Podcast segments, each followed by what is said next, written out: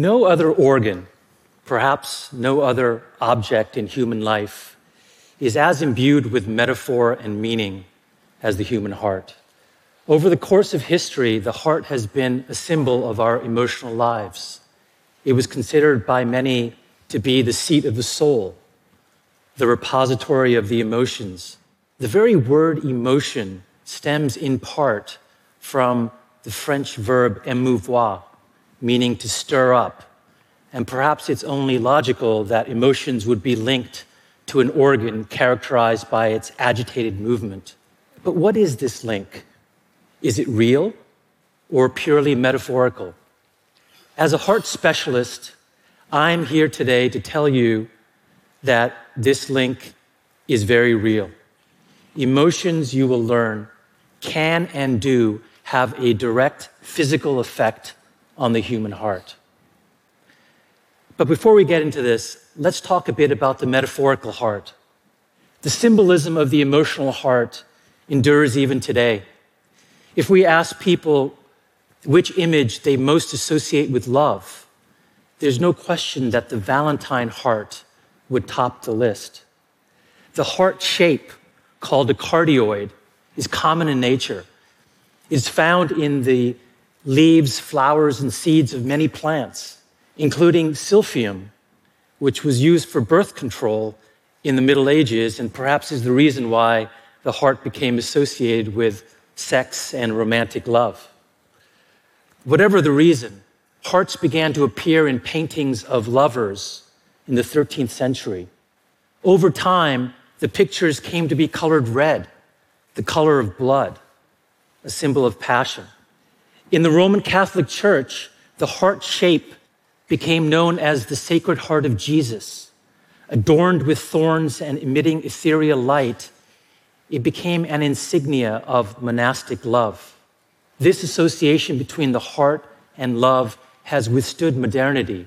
When Barney Clark, a retired dentist with end stage heart failure, received the first permanent artificial heart in Utah in 1982, his wife of 39 years reportedly asked the doctors, Will he still be able to love me?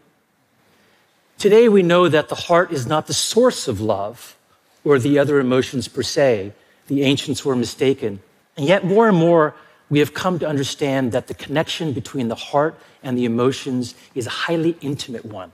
The heart may not originate our feelings, but it is highly responsive to them. In a sense, a record of our emotional life is written on our hearts. Fear and grief, for example, can cause profound cardiac injury. The nerves that control unconscious processes, such as the heartbeat, can sense distress and trigger a maladaptive fight or flight response that triggers blood vessels to constrict, the heart to gallop, and blood pressure to rise, resulting in damage. In other words, it is increasingly clear that our hearts are extraordinarily sensitive to our emotional system, to the metaphorical heart, if you will.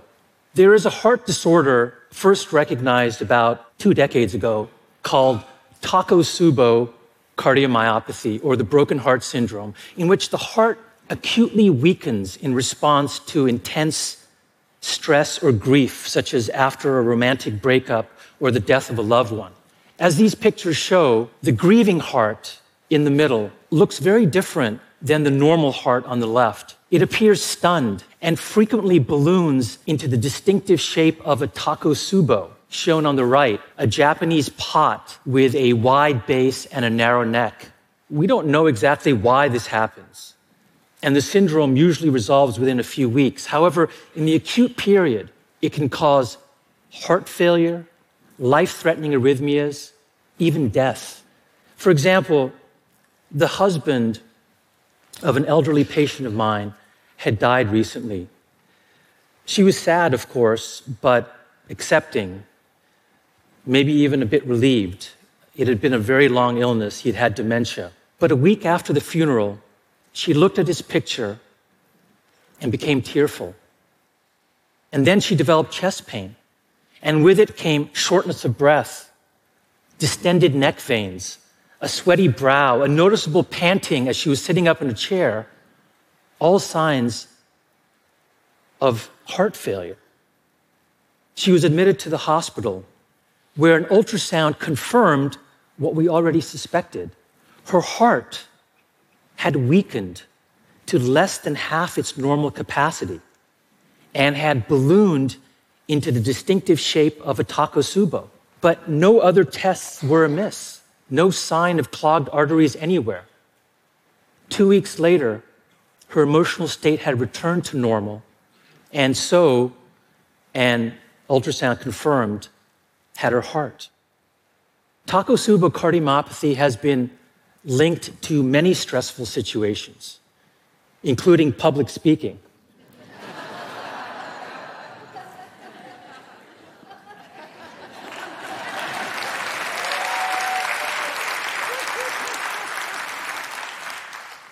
Domestic disputes, gambling losses, even a surprise birthday party. It's even been associated with widespread social upheaval, such as after a natural disaster. For example, in 2004, a massive earthquake devastated a district on the largest island in Japan. More than 60 people were killed and thousands were injured. On the heels of this catastrophe, researchers found that the incidence of Takotsubo cardiomyopathy increased 24 fold in the district one month after the earthquake compared to a similar period the year before. The residences of these cases closely correlated with the intensity of the tremor. In almost every case, patients lived near the epicenter. Interestingly, Takotsubo cardiomyopathy has been seen after a happy event too. But the heart appears to react differently ballooning in the mid portion, for example, and not at the apex. Why different emotional precipitants would result in different cardiac changes remains a mystery.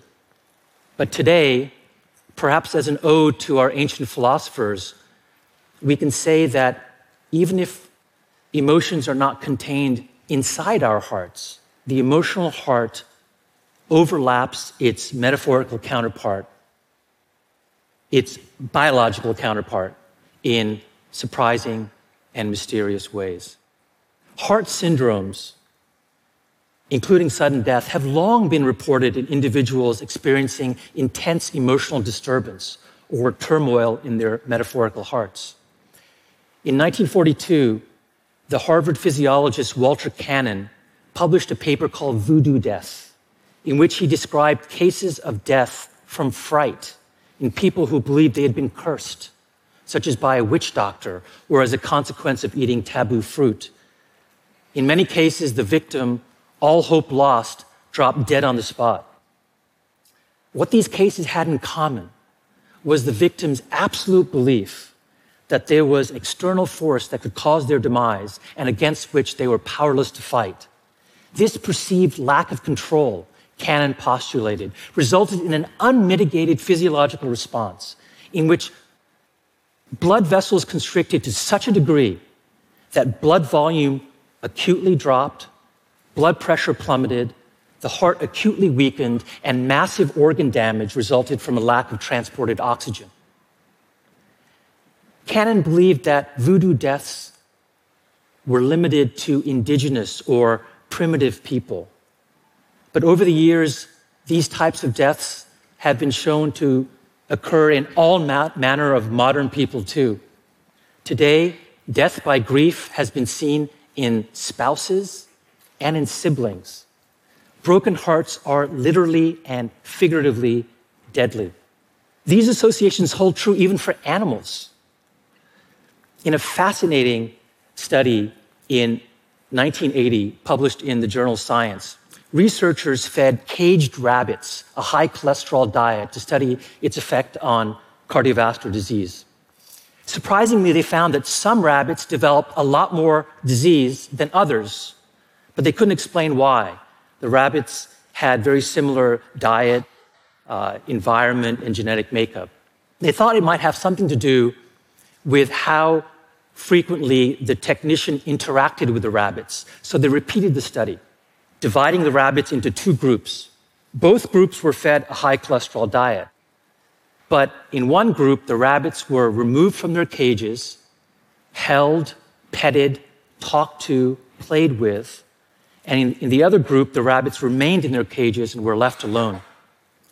At one year, on autopsy, the researchers found that the rabbits in the first group that received human interaction had 60% less aortic disease than rabbits in the other group, despite having similar cholesterol levels, blood pressure, and heart rate.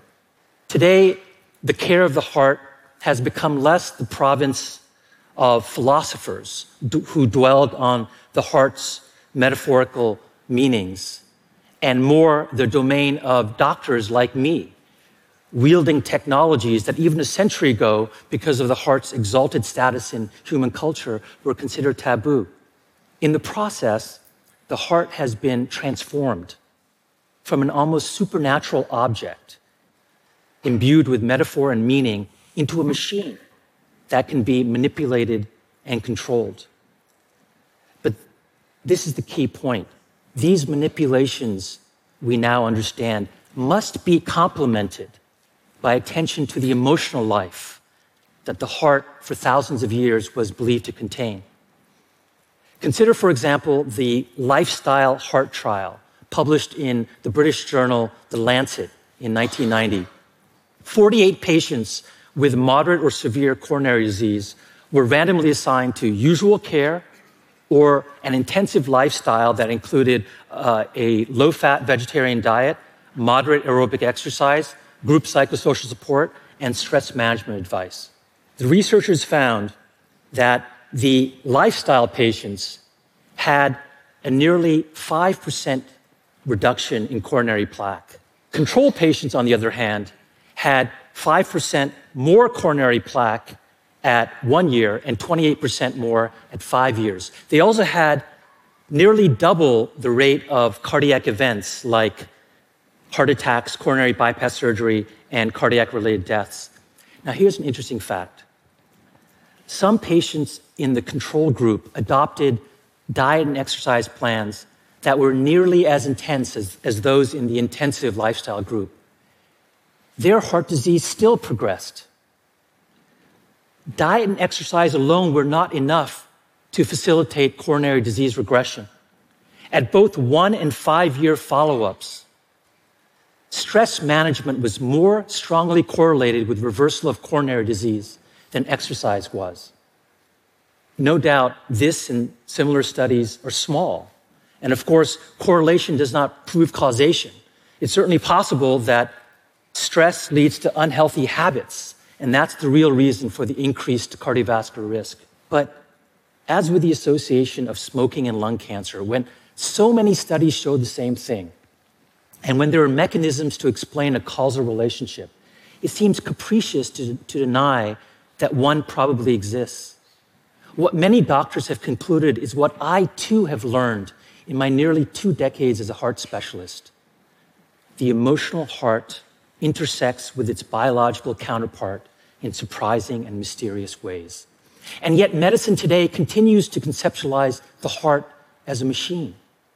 This conceptualization has had, has had great benefits. Cardiology, my field, is undoubtedly one of the greatest scientific success stories of the past 100 years.